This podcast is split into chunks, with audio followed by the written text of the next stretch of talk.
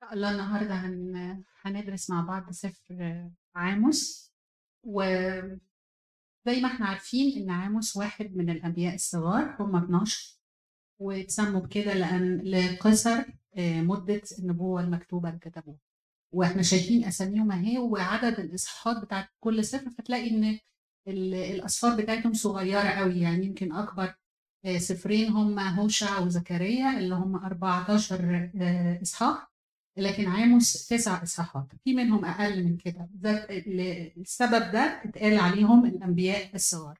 وفي أربعة أنبياء كبار اللي هم دانيال وأشعياء وارميا وحسقيال آه، مين هو عاموس؟ هو طبعا هو كاتب سفر السفر اللي إحنا هندرسه. آه، هناخد مقدمة بعض المعلومات كده عنه.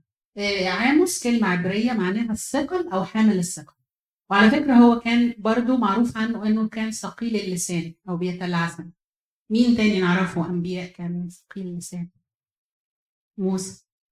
آه، عاموس كان ثقيل اللسان ومعنى اسمه ثقل أو حامل ثقل ويمكن حامل ثقل آه، هو نفسه كان شايل آه، يعني حمل الخطايا اللي كانت منتشرة في الوقت ده في مملكة إسرائيل ومملكة يهوذا آه، وكان حاسس بقد إيه يعني تقل الخطايا دي. آه، زي ما قلنا أحد الأنبياء الصغار وأول الأنبياء الكتاب اللي هم أول من كتب النبوة يعني مسجل نبوته في أسلوب شعري. طبعا لما اتكتبت باللغة العبريه آه، هو نشأ في آه، مملكة يهوذا في الجنوب في مدينة اسمها تقوى آه، جنوب أورشليم. آه، وعلى الرغم من كده آه، إلا إنه آه، خدمته كانت في الشمال في ال- في إسرائيل.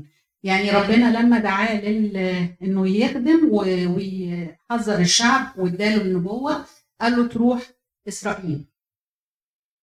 آه، كان في أيام آه، هو بنفسه حدد لنا الفترة الزمنية اللي كان موجود فيها أو اللي خدم فيها وده طبعا لأنه ما كانش فيه تقويم قبل الميلاد فكانوا دايما يقولوا في أيام الملك فلان أو في أيام الحدث الفلاني وبكده كانوا بيقدروا إن هم يعملوا تقويم للأحداث. فهو كان في أيام الملك يروبعام ابن يؤاش يروبعام الثاني ابن يؤاش آه، ده ملك إسرائيل بحوالي عام 760 قبل الميلاد. طبعا الفترة دي اللي هي قبل السبي الاشوري والبابلي طبعا اللي جه بعد كده.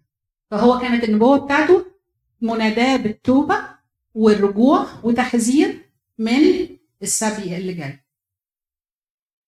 آه، عاموس يعتبر آه، يعني أفقر واحد من الناحية المادية في الأنبياء كلهم هو كان بيشتغل آه، راعي غنم وجاني جميز جاني جميز دي يعني واحد آه، أجير يعني. آه، وأسرته كانت أسرة فقيرة جدا. عشان كده هو يمكن ما قالش النسب بتاعه ما ذكرش هو ابن مين ولا آه، جده مين لأن الأسرة بتاعته كانت أسرة يعني فقيرة فقر شديد. آه، عاش زي ما قلنا في تقوى. اهي تقوى اللي هي جنوب أورشليم. طبعا دي في مملكة يهوذا مملكة الجنوب.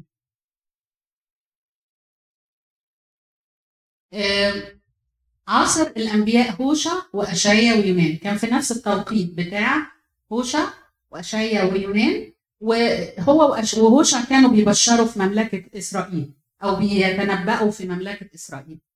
آه، الثلاثه هوشع واشعيا ويونان آه، آه، هوشع وعاموس واشعيا كانوا بينادوا بالتوبة عشان يتفادوا عشان بيقولوا للناس يحذروهم من السبي وال وال وال- والمفارقة يعني ال- الغريبة إن يونان رفض إنه يقوم بالدور اللي ربنا قال له عليه وعلى الرغم من كده إن الناس اللي يونان راح وبشرهم أو حذرهم استجابوا. لكن التانيين الناس ما استجابوش ووقعوا في السبي زي ما قلنا هو عاش في أيام عزية ملك يهوذا ويربعام بن يؤاش ملك ملك إسرائيل وقت كتابة السفر ده كانت إيه الظروف اللي موجودة في الوقت ده؟ كان في استقرار سياسي في مملكة الشمال وفي مملكة الجنوب. آه لو قرينا في سفر الملوك هنلاقي إن يربعام بن يؤاش ملك إسرائيل كان من الملوك اللي هو آه، امتاز الوقت بتاعه بالاستقرار وده كان غير معتاد في مملكة إسرائيل أو مملكة الشمال. إنه كان الملوك فيها بيتغيروا بسرعة نتيجة الاغتيالات والمؤامرات فيروبعام ملك حوالي 41 سنة ودي تعتبر فترة كبيرة نسبيا بالنسبة لباقي ملوك إسرائيل آه، بالنسبة لمملكة يهوذا كانت بتمتاز بالاستقرار نسبيا بالمقارنة بمملكه الشمال كان في استقرار سياسي ليه؟ لأن كانت آه، مملكة آه، أرام أو هي سوريا دلوقتي كانت داخلة في حرب مع أشور. فزي ما تقول انشغلوا في الحرب دي وقدروا وقدرت إسرائيل إنها تسترد من سوريا أو أرام كل الممتلكات اللي كانوا سلبوها منها. وكمان أشور بانشغالها في الحرب مع أرام آه، وقفت الغزوات على مصر واللي كان فيها بتمر بتمر على مملكة إسرائيل في طريقها لمصر وكانت بتنهب وتسلب وتعمل يعني آه، آه، اضطرابات كتيرة. كل ده ما كانش موجود. الاستقرار السياسي أدى لإيه؟ نشاط اقتصادي وتجاري وفي ازدهار اقتصادي. الازدهار الاقتصادي أدى لظهور طبقتين طبقة أغنياء قوي اللي هم التجار وطبقة فقراء قوي اللي كان منهم عاموس اللي هم الفلاحين. فكانت في طبقية واضحة في المجتمع في الفترة دي. وتبع الازدهار التجاري والغنى الفاحش ان في انحلال أخلاقي وفي عبادة مظهرية. يعني ما بقتش العبادة فيها روحانيات خالص. وطبعا كان في بقى العبادة الوثنية ابتدت تدخل عليهم لأن زي ما درسنا في سفر هوشع آه، إنه لما انقسمت المملكة عملوا في الشمال هياكل وحطوا فيها تماثيل وقالوا لهم إن إن إن الله هيحل في التماثيل دي. فانتوا تروحوا تسجدوا هناك وتذبحوا هناك عشان يضمنوا إن الشعب ما ينزلش للهيكل في أورشليم ويضمنوا إن تفضل مملكه الشمال آه، مستقل.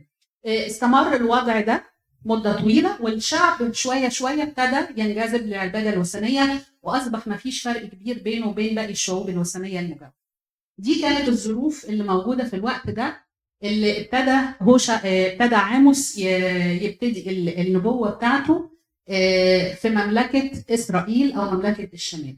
هنبتدي الإصحاح الأول إحنا هي السفر تسع إصحاحات النهارده هناخد ثلاثة. كل مرة هناخد ثلاث اصحاحات.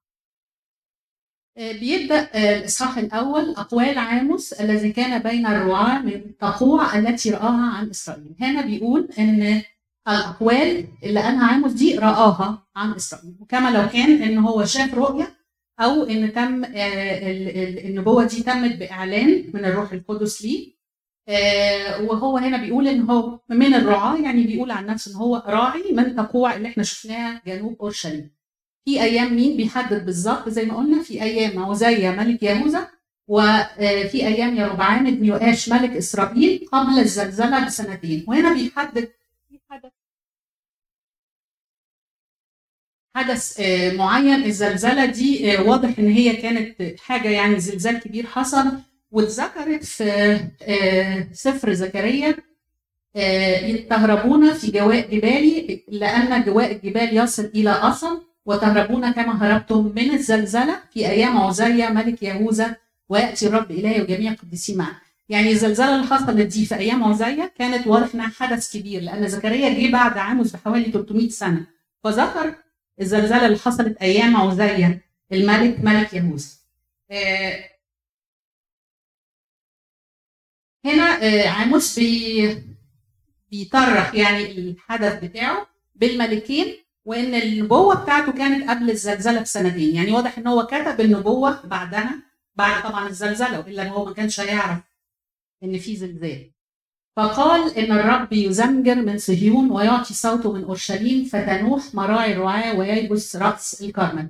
هنا لأنه راعي غنم فكان كل التشبيهات اللي بيجيبها من البيئة أو من شغلته كراعي غنم. طبعا راعي الغنم كان موجود في أورشليم في الفترة دي آه، معروف إن في حوالين أورشليم آه، أسود بتيجي من البرية. وطبعا رعاة الأغنام هم أكتر ناس بيعرفوا موضوع الأسود ده وبيتعرضوا لهجمات الأسود على القطيع فهتلاقيه كتير بيتكلم عن الأسود والزمجره والزئير.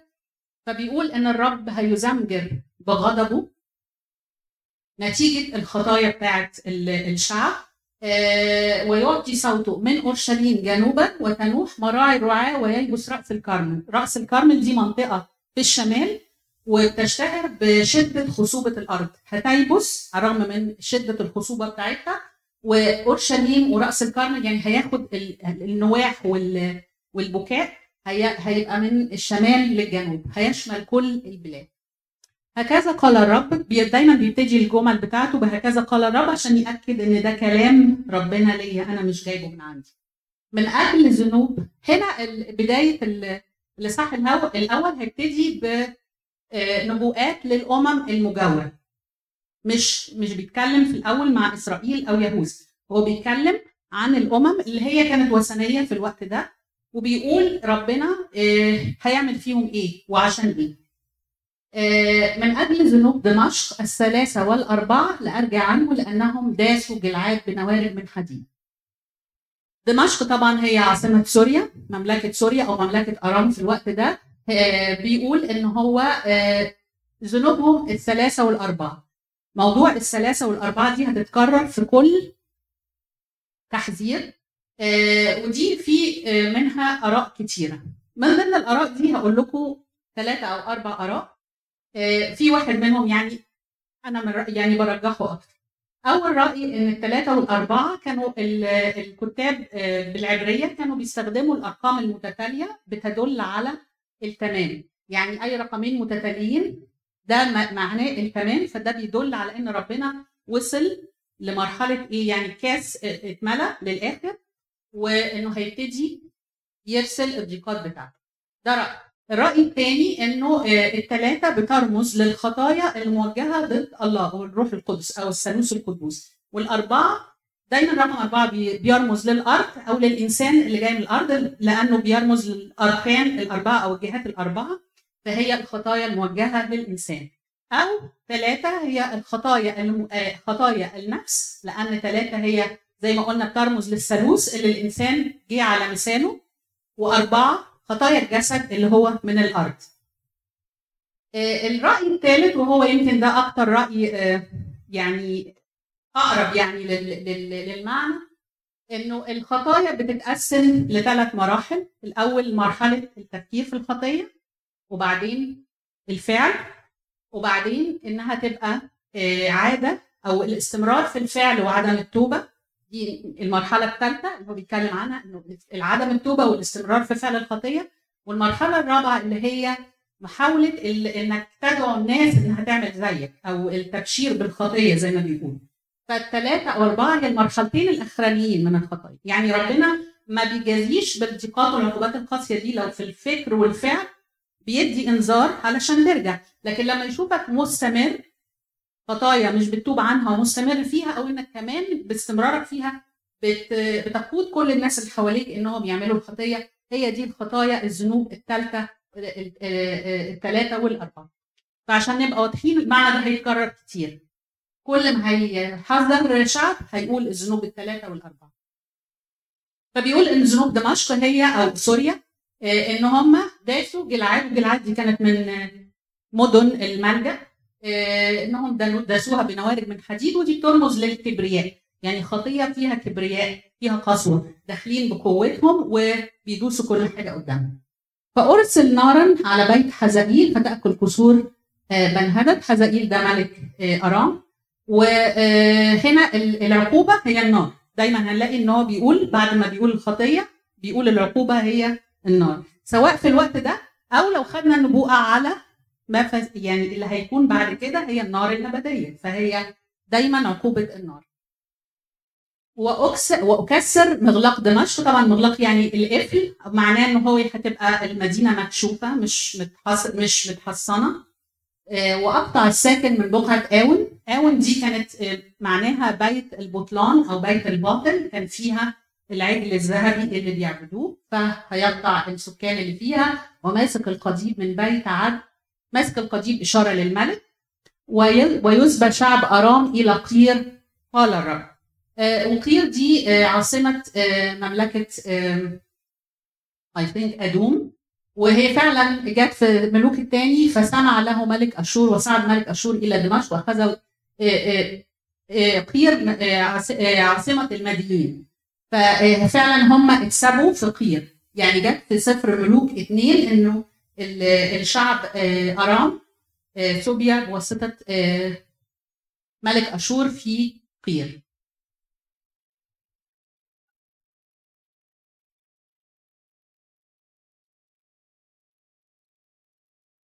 إيه؟ هنكمل عدد ستة. هكذا قال الرب. خلصنا من سوريا. دخلنا على تاني مملكة اللي هي غزة عاصمة فلسطين مملكة فلسطين. هكذا قال الرب برضه بيؤكد إن النبوة من ربنا. من أجل جنوب غزة الثلاثة والأربعة زي ما قلنا. لا أرجع عنه لأنهم هو بيؤكد أنه مش هيرجع عن العقاب. يعني هو بيقول لهم لا أرجع عنه في كل مرة. لأنهم سبوا سبيا كاملا لكي يسلموه إلى أدوم. إيه حكاية السبي اللي سبوه؟ إنه الإسرائيليين اللي التجأوا للفلسطينيين هروبا من أشور ومن غزواته سابوهم بدل ما يحموهم سابوهم وباعوهم عبيد لمملكة أدوم اللي هم كان في بينهم وبينهم عداوة إن إحنا عارفين أدوم دول اللي هم مين؟ عيسى كان في عداوة بين الأدوميين والإسرائيليين فبدل ما يحموا الناس اللي التجأوا إليهم من الإسرائيليين باعوهم كعبيد لادوم ودي طبعا خطية كبيرة معناها بتوضح يعني محبة المال إن هو بالنسبة لهم الإنسان ملوش قيمة. آه، حبهم للمال بيخليهم يبيعوا الناس اللي بيلجأوا إليهم بالفلوس. آه، فأرسل نار نفس الشيء أرسل نار على سور غزة فتأكل قصورها. وأقطع الساكن من اشدود وماسك القضيب من اشقلون وأرد يدي على عقرون فتهلك بقية الفلسطينيين قال السيد الرب. الأربع مدن اللي عندنا غزة واشدود وأشقلون وعقرون وفي مدينة خمسة هي جت. هم دول خمس مدن رئيسية في فلسطين فهو ذكر أربعة منهم. في بيقولوا إن جت ممكن تكون أساسا كانت متدمرة في الوقت ده. آه نتنقل للمملكه الثالثة. هكذا قال الرب من أجل ذنوب سور الثلاثة والأربعة. آه آه لا أرجع عنهم. لأنهم سلموا سبيا كاملا إلى أدوم ولم يذكروا عهد الأخوة. سور دي عاصمة مملكة آه، الفينيقيين أو فينيقيا والخطية بتاعتهم سلموا سبيا كاملا إلى أدوم زي بالظبط الفلسطينيين لكن كان في حاجة زيادة في حتة زيادة هم عملوها. لم يذكروا عهد الأخوة إنه كان في معاهدة معاهدة سلام بين الفينيقيين آه، ملكهم حيرام وبين سليمان الملك. المعاهدة دي كانت من زمان موجودة فنقضوا عهد الأخوة. يعني المفروض دول كانوا أصدقاء. راحوا برضو لجأوا إليهم من آه، يعني هربوا من الأشوريين فباعوهم آه، عبيد آه، لأدوم. فدي فيها خيانة عهد يعني الخطية بتاعتهم. مع محبة المال في خيانة العهد. كل ده طبعا بينطبق علينا. إحنا بنحاول إن إحنا نعرف ليه الخطايا دي لأن الخطايا دي موجودة لغاية دلوقتي. فزي ما عاموس نبههم عشان يرجعوا عن خطاياهم فربنا بيرسل لنا برضو نفس الرسالة لغاية يومنا دلوقتي لأن نفس الخطايا إحنا كتير منا بيقع فيها. فأرسل نارا على سور فتأكل قصورا.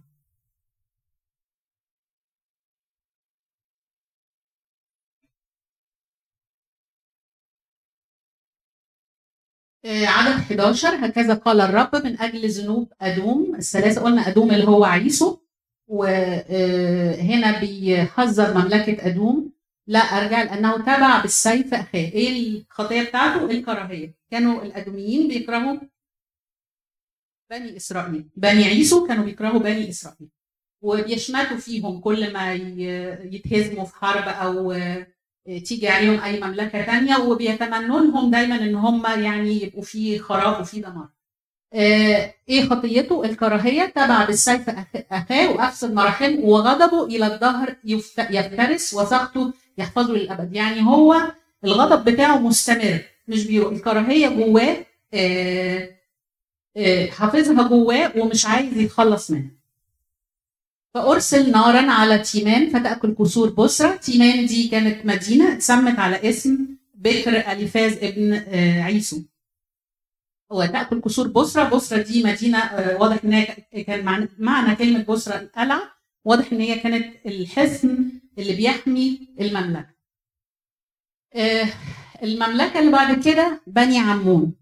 هكذا قال الرب من أجل ذنوب بني عمون الثلاثة والأربعة لأرجع عنهم لأنهم شقوا حوامل جلعاد لكي يوسعوا تخومهم وبني عمون دول هم أبناء لوط من بنت من بناته. وطبعا كان في عداوة كبيرة بينهم وبين الشعب شعب إسرائيل. والخطيه بتاعتهم كانت شدة القسوة وغلاظة القلب مع الجشع والطمع. إن هم كانوا لما جم يفتحوا يوسعوا التخوم أو يروحوا يعملوا غزوات عشان يوسعوا البلاد كانوا بي- بيشقوا بطون الستات الحوامل بكل القسوة وبيعملوا يعني خطايا كتيرة من ضمنها انهم كانوا بيقدموا أولادهم آه، للمحرقات للآلهة.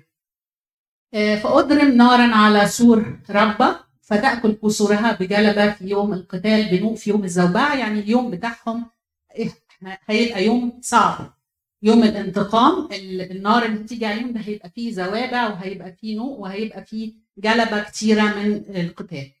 ويمضي ملكهم إلى السبي هو ورؤسائه جميعا قال الرب وفعلا آه، جت بعد كده في آه، في إرميا لأني بذاتي حلفت يقول الرب إن بصرى تكون دهشا وعارا وخرابا ولعنة وكل مدنها تكون خرابا ابديا. هنتنقل للإصحاح الثاني وبيكمل تحذيراته للأمم في آخر آه، مملكة آه، هيتكلم عنها. هكذا قال الرب من أجل ذنوب مؤاب الثلاثة والأربعة لا ارجع عنهم لأنهم أحرقوا عظام ملك أدوم كلسا.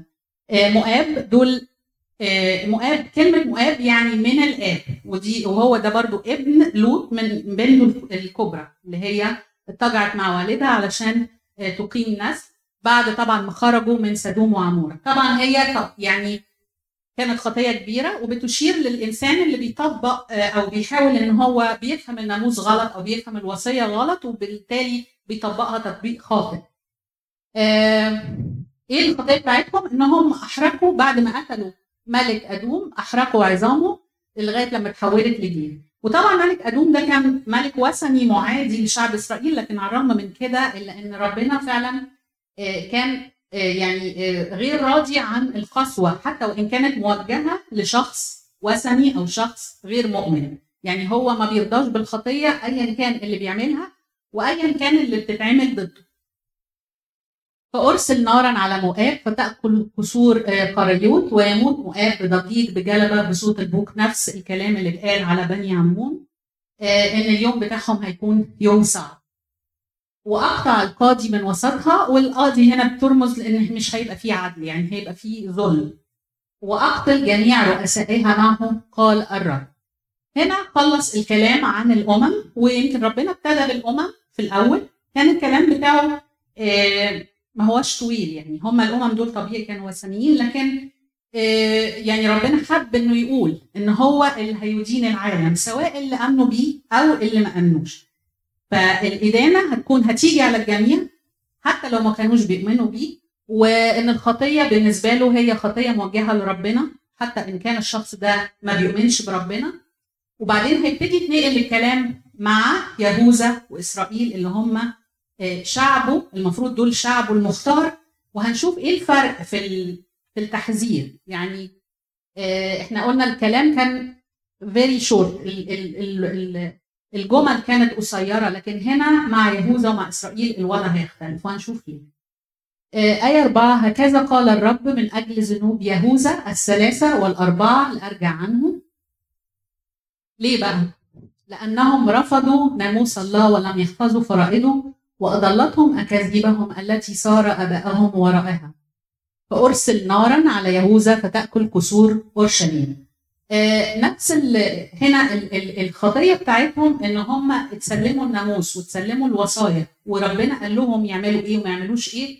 ولكن هم ضلوا وراحوا وراء آه، تعليم مضللة وتبعوها وزي ما يكونوا نسيوا ال- الوصايا بتاعت ربنا. خلاص يعني من كتر ما مشوا ورا التعليم المضللة والأكاذيب والأنبياء الكذبة ابتدوا إن هم آه، ينسوا الوصايا الحقيقية ويمشوا ورا الأكاذيب. فهتكون النار هي ال- العقاب بتاعهم.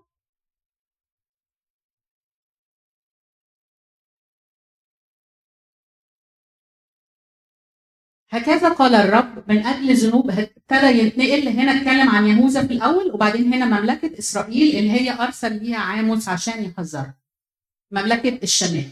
هكذا قال الرب من أجل ذنوب إسرائيل الثلاثة والأربعة لا أرجع عنهم لأنهم باعوا البار بالفضة والبائس لأجل نعلم طبعا جملة باعوا البار بالفضة دي فكرنا بإيه؟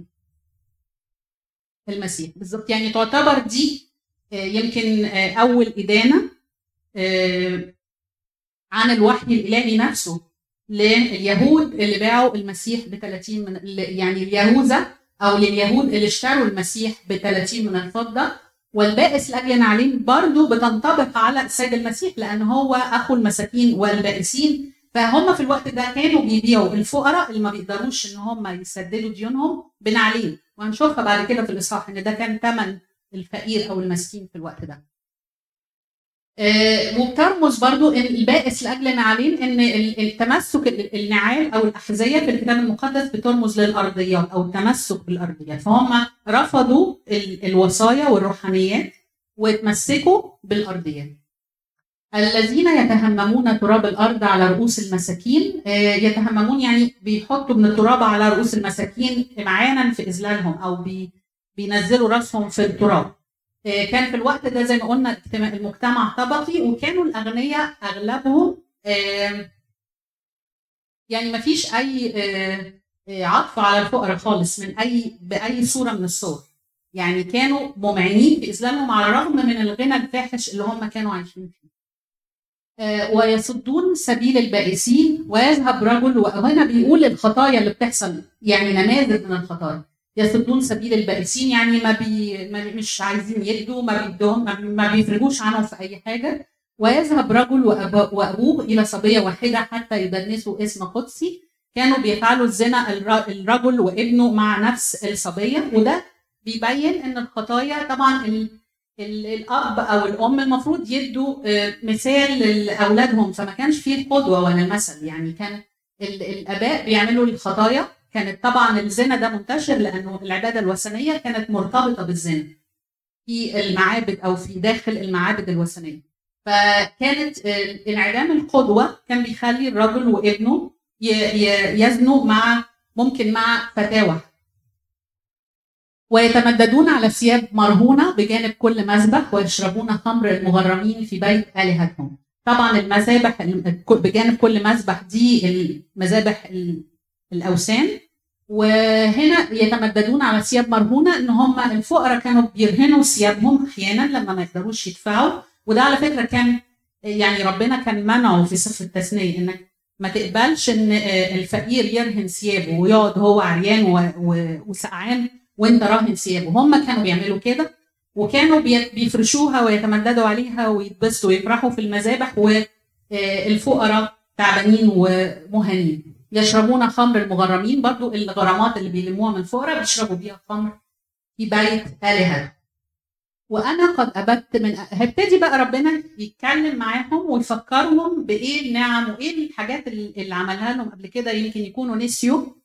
آه، فبيقول لهم أنا قد ابت من أمامهم الاموري الذي قامته مثل قامة الارز وهو آه، قوي كالبلود ابت ثمره من فوق وأصول من تحت. بيفكرهم بالشعب الأموريين اللي كانوا من أصعب الممالك اللي واجهوهم بعد ما دخلوا أرض الموعد وكانوا فعلا بيمتازوا بطول القامة والضخامة وكان شكلهم مرعب بالنسبة لبني إسرائيل فبيقول لهم أنا ابتهم من أمامكم و ومكنتكم من إنكم تتغلبوا عليهم.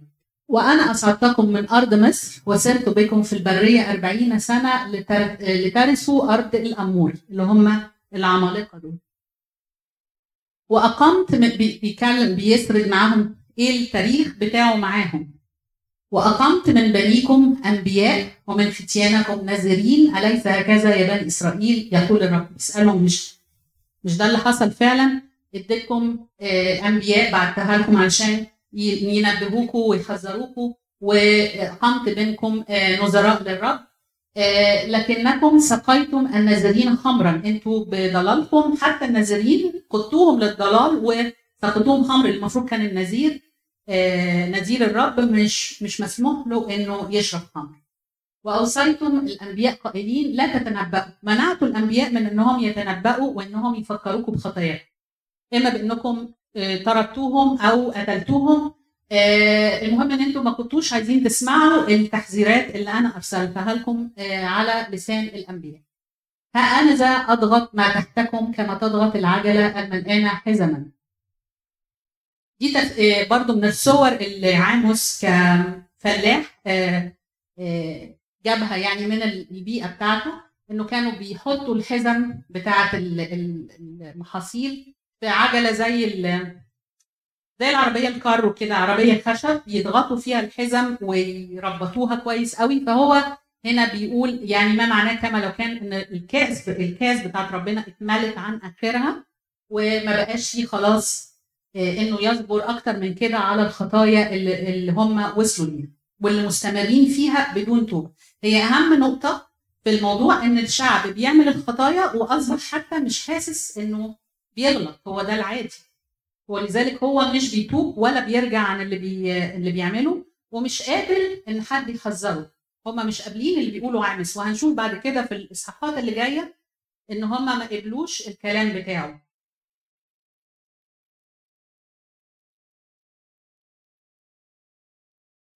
آه الآية 14 آه ويبيد المناص عن السريع والقوي لا يشدد قوته والبطل لا ينجي نفسه. ده لما يجي بقى لما تيجي العقوبات عليكم آه يبيد المناص يعني المناص اللي هو المفر. يعني مهما كنت سريع مش هتقدر تجري وت- وتهرب من الغضب اللي ربنا هيجيبه عليك. والقوي لا يشدد قوته مهما كنت قوي مش هتقدر تتشدد وتقوم. والبطل اللي هيعتمد على بطولته وقوته الشخصية مش هيقدر مش هيقدر ينجو ماسك القوس لا يثبت. نفس الحكاية ال- الشجاع في الحرب وهيقف بالقوس هيحاول ينشن مش هيقدر. وسريع رجلين لا ينجو وراكب الخيل لا ينجي النفس. كل دي صور وتشبيهات إنك لو حاولت إنك توهم نفسك إنك ممكن تهرب من العقوبات اللي ربنا هيجيبها عليك تبقى أنت يعني واهم أو إن أنت بتتخيل حاجة مش هتحصل. وده بينطبق برضو على نهايات الأيام. هي نفس الحكاية. الناس اللي عايشين وبيعملوا اللي هم عايزينه وفاهمين إن هم ممكن في الآخر هيهربوا أو هيستخبوا أو وات ايفر عقولهم بتصور لهم ده مش حقيقي. والقوي القلب بين الأبطال يهرب عريانا في ذلك اليوم يقول الرب. طبعا لما بيذكر في ذلك اليوم بت- بتشير إلى يوم الدينونة. هو بيكلمهم في الوقت ده. تحذير من السبي وكمان دي إشارة أو نبوءة في ذلك اليوم يوم الدينونة. هينطبق كل الكلام ده على كل الناس. بنتنقل للإصحاح الثالث. آه، في نقطة لما قلنا إن هو نبه ال- الأمم المجاورة كان الكلام قصير لكن لما جه يتكلم مع يهوذا ومع إسرائيل الكلام كان كتير وابتدى يسرد لهم آه، ال- الحاجات اللي عملها معاهم لأن دول شعبه المختار. فاللي بيعرف أكتر بيكون حسابه أكبر. عشان كده هو اتكلم معاهم أكتر وسرد لهم الخطايا بتاعتهم بالتفاصيل وفكرهم بقد إيه هو كان بيراعيهم وبيحفظهم من بداية خروجهم من أرض مصر لغاية لما امتلكوا أرض الموعد ومع ذلك هم جحدوا و آه، آه، يعني خلفوا الوصايا كلها. آه، الإصحاح الثالث ده آخر إصحاح لينا النهارده. اسمعوا هذا القول من الإصحاح الثالث للإصحاح السادس في ثلاث وعظات و واثنين ومجموعتين من الويلات. الوعظات بتبتدي بكلمة اسمعوا هذا القول دي أول وعظة. آه، اسمعوا هذا القول الذي تكلم به الرب عليكم يا بني إسرائيل. هنا عاموس بيقول لهم اسمعوا هذا القول على كل القبيلة التي أصعدتها من أرض مصر قائلا. بيسمي آه، بني إسرائيل قبيلة، القبيلة اللي أنا اخترتها واخترتكم ليا آه، شعب وأصعدتكم من أرض مصر قائلا إياكم فقط عرفت من جميع قبائل الأرض لذلك أعاقبكم على جميع ذنوبكم. أنا اللي اخترتكم بنفسي وأنا اللي آه، خد- اتخذتكم ليا شعب عشان كده لأنكم أنتوا المفروض مقربين مني وأنتوا خدتوا الوصايا اللي أنا قلتها لكم. المفروض إن أنتوا كنتوا تبقوا أحسن من كده وأنتوا اللي كنتوا تقودوا العالم كله للإيمان لكن على الرغم من كده العكس هو اللي حصل. فزي ما قلنا آه، في لوقا 12 أما ذلك العبد الذي يعلم إرادة سيده ولا يستعد ولا يفعل بحسب إرادته فيضرب كثيرا ولكن الذي لا يعلم ويفعل ما يستحق ضربات يضرب قليلا. فكل من أعطي كثيرا يطلب منه كثير ومن يدعونه كثيرا يطالبونه بأكثر. يعني اللي خد كتير مطالب إنه يدي أكتر ولو ما اداش بيعاقب أكتر من اللي ما خدش.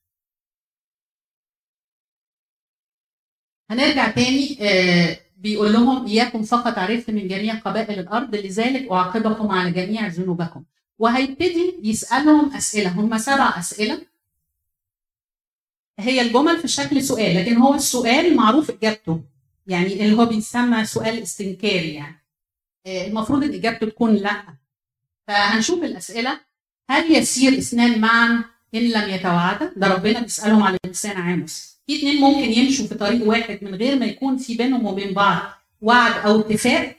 طبعا المفروض لا لأن هو كان مشي معاهم الطريق وكان في بينهم وبين بعض وعد وهم نقضوه.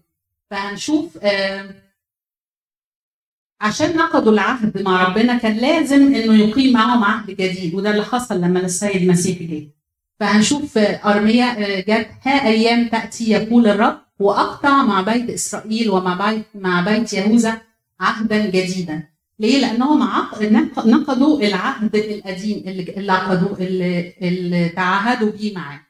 ليس كالعهد الذي قطعته مع آبائهم يوم أمسكتهم بيدهم لأخرجهم من أرض مصر حين نقضوا عهدي اللي هو بيحصل دلوقتي عاموس فرفضتهم يقول الرب بل هذا هو العهد الذي أقطعه مع بيت إسرائيل بعد تلك الأيام يقول الرب أجعل شريعتي في داخلهم وأكتبها على قلوبهم وأكون لهم الها وهم يكونون لي شعبا. ده العهد الجديد بعد مجيء السيد المسيح اللي اتأسس يوم خميس العهد.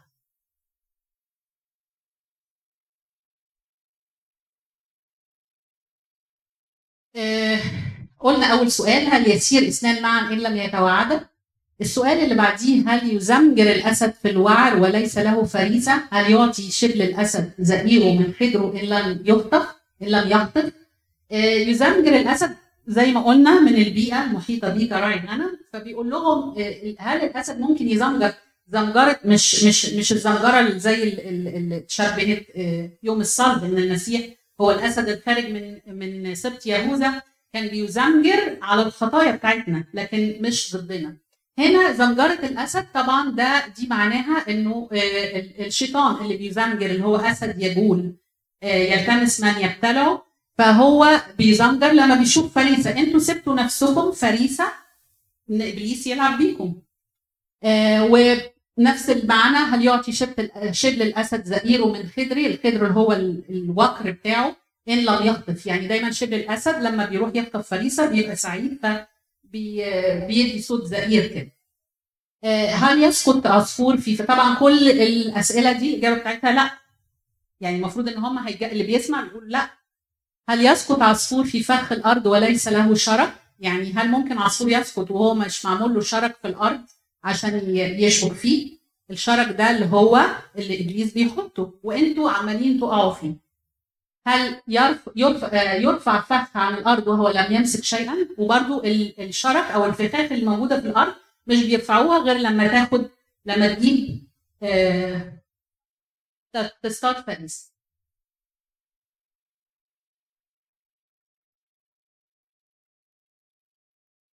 آخر سؤال أم يضرب بالبوق في مدينة والشعب لا يرتعد؟ هل تحدث بلية في مدينة والرب لم يصنعها؟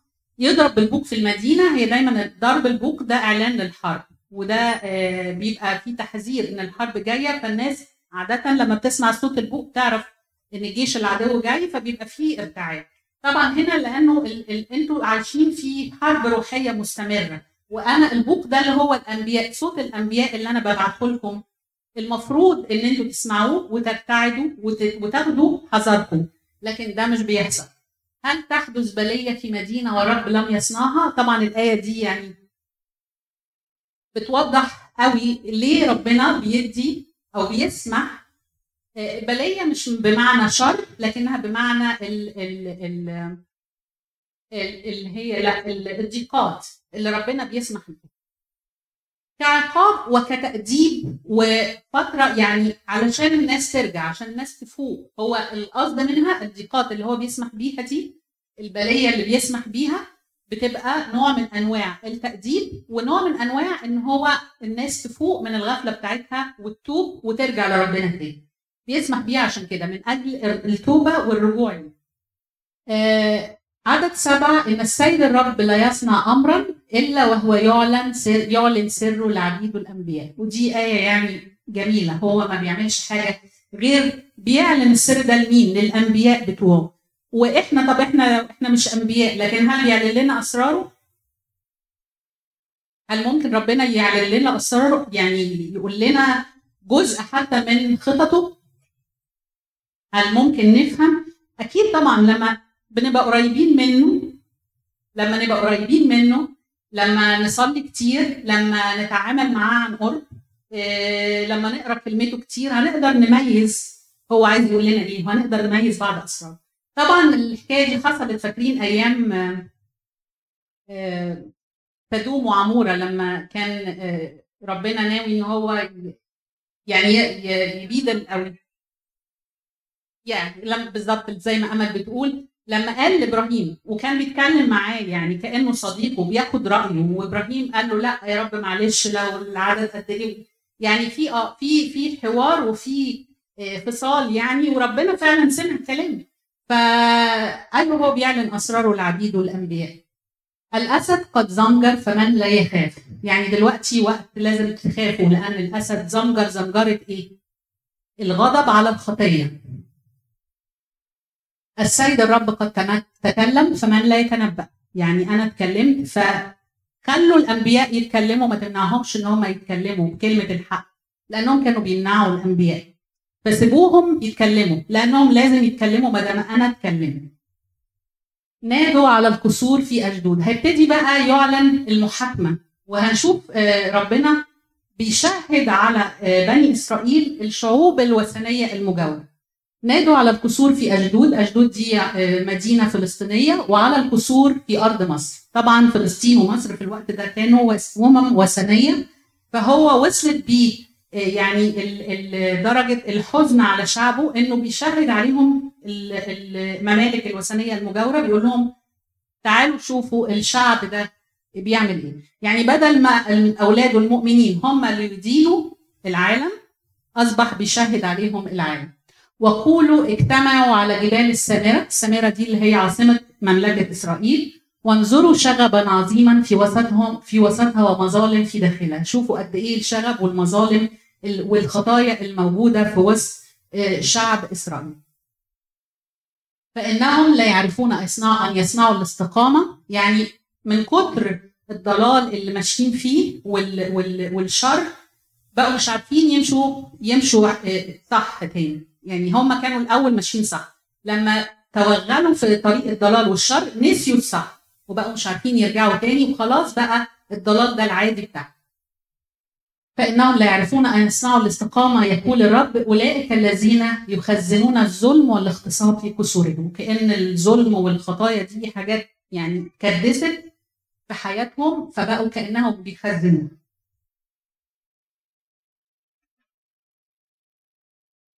لذلك هكذا قال السيد الرب ضيق حتى في إيه؟ حتى في كل ناحية من الأرض فينزل عنك عزك وتنهب قصورك. هنا ده ال ال العقاب إنه هيبقى فيه ضيق وربنا لما بيشوف إنسان ماشي في طريق الشر بيحاول آه إن هو يضيق له الطريق أو يحط في سكته صعوبات لعله يعني يفوق ويرجع ويحس إيه ده الدنيا مقلوبة حواليا يمكن أنا أكون ماشي غلط فيبتدي يفكر فدي طريقة ربنا دايما مع أولاده إن هو يضيق عليهم يشيل البركة بتاعته ويضيق عليهم طريق الشر. يمكن يفوقوا ويرجعوا. آية 12 هكذا قال الرب كما ينزع الراعي من فم الأسد كراعين أو قطعة أذن هكذا ينتزع بني إسرائيل الجالسون في السامرة في زاوية السرير وعلى دمقس الفراش. آه هنا بنجيب صورة آه بيشبه طبعا نفسه هو الراعي الصالح فبيجيب صورة الراعي اللي هو حريص جدا على القطيع بتاعه. لو حصل إن في أسد جه يفترس خروف من الخرفان الراعي ما بيسيبش الخروف حتى وان كان في بق الأسد فبيشده حتى لو كراعين اللي هي جاية من الرجلين أو الكوارع يعني. حتى لو رجل متدلدلة من بق الأسد بيحاول إنه ينقذها أو قطعة أذن حتى لو قطعة الأذن هيطلعها من بق الأسد برضه. فدي ربنا هنا بينقذ أولاده من فم إبليس الأسد. وده بيدلنا إن هو دايما بيؤكد لهم إن لسه ليهم لي لسه ليه فيهم بقية. هو هم مش مرفوضين تماما لكن لسه في بقية هتآمن بيه وهترجع ليه. وحتى في نهاية الأيام لسه في بقية من اليهود هيأمنوا بالمسيح. فهو ما ما يعني ما تركهمش بالكامل لكن هو ما زال الراعي الصالح هكذا ينتزع بني إسرائيل الجالسون في السامرة في زاوية السرير وعلى دنقص الفراش اللي هم عايشين في رفاهية وفي حياة مريحة لكنهم غافلين إن هم عايشين في الخطية. آية 13 اسمعوا واشهدوا على بيت يعقوب. هنا بيشهد كل الممالك اللي قلنا عليها. يقول السيد الرب إله الجنود إن يوم معاقبة إسرائيل على ذنوبه أعاقب مذابح بيت إيل فتقطع قرون المذبح وتسقط إلى الأرض. مذابح بيت إيل دي طبعا بيت إيل دي كان مكان مقدس في الشمال لكن هم لما انقسمت المملكة ملوك إسرائيل أو بالتحديد يروبعام ابن نباط اللي هو أول ملك لمملكة إسرائيل عمل في بيت إيل مذابح وثنية فبدل من إنها تبقى مكان مقدس بقت مذابح وثنية. فعشان كده هو بيقول إنه أعاقب مذابح بيت إيل اللي هي أصبحت بدل ما تبقى أماكن مقدسة بقت مذابح وثنية. وتقطع قرون المذبح وتسقط على الأرض. ودي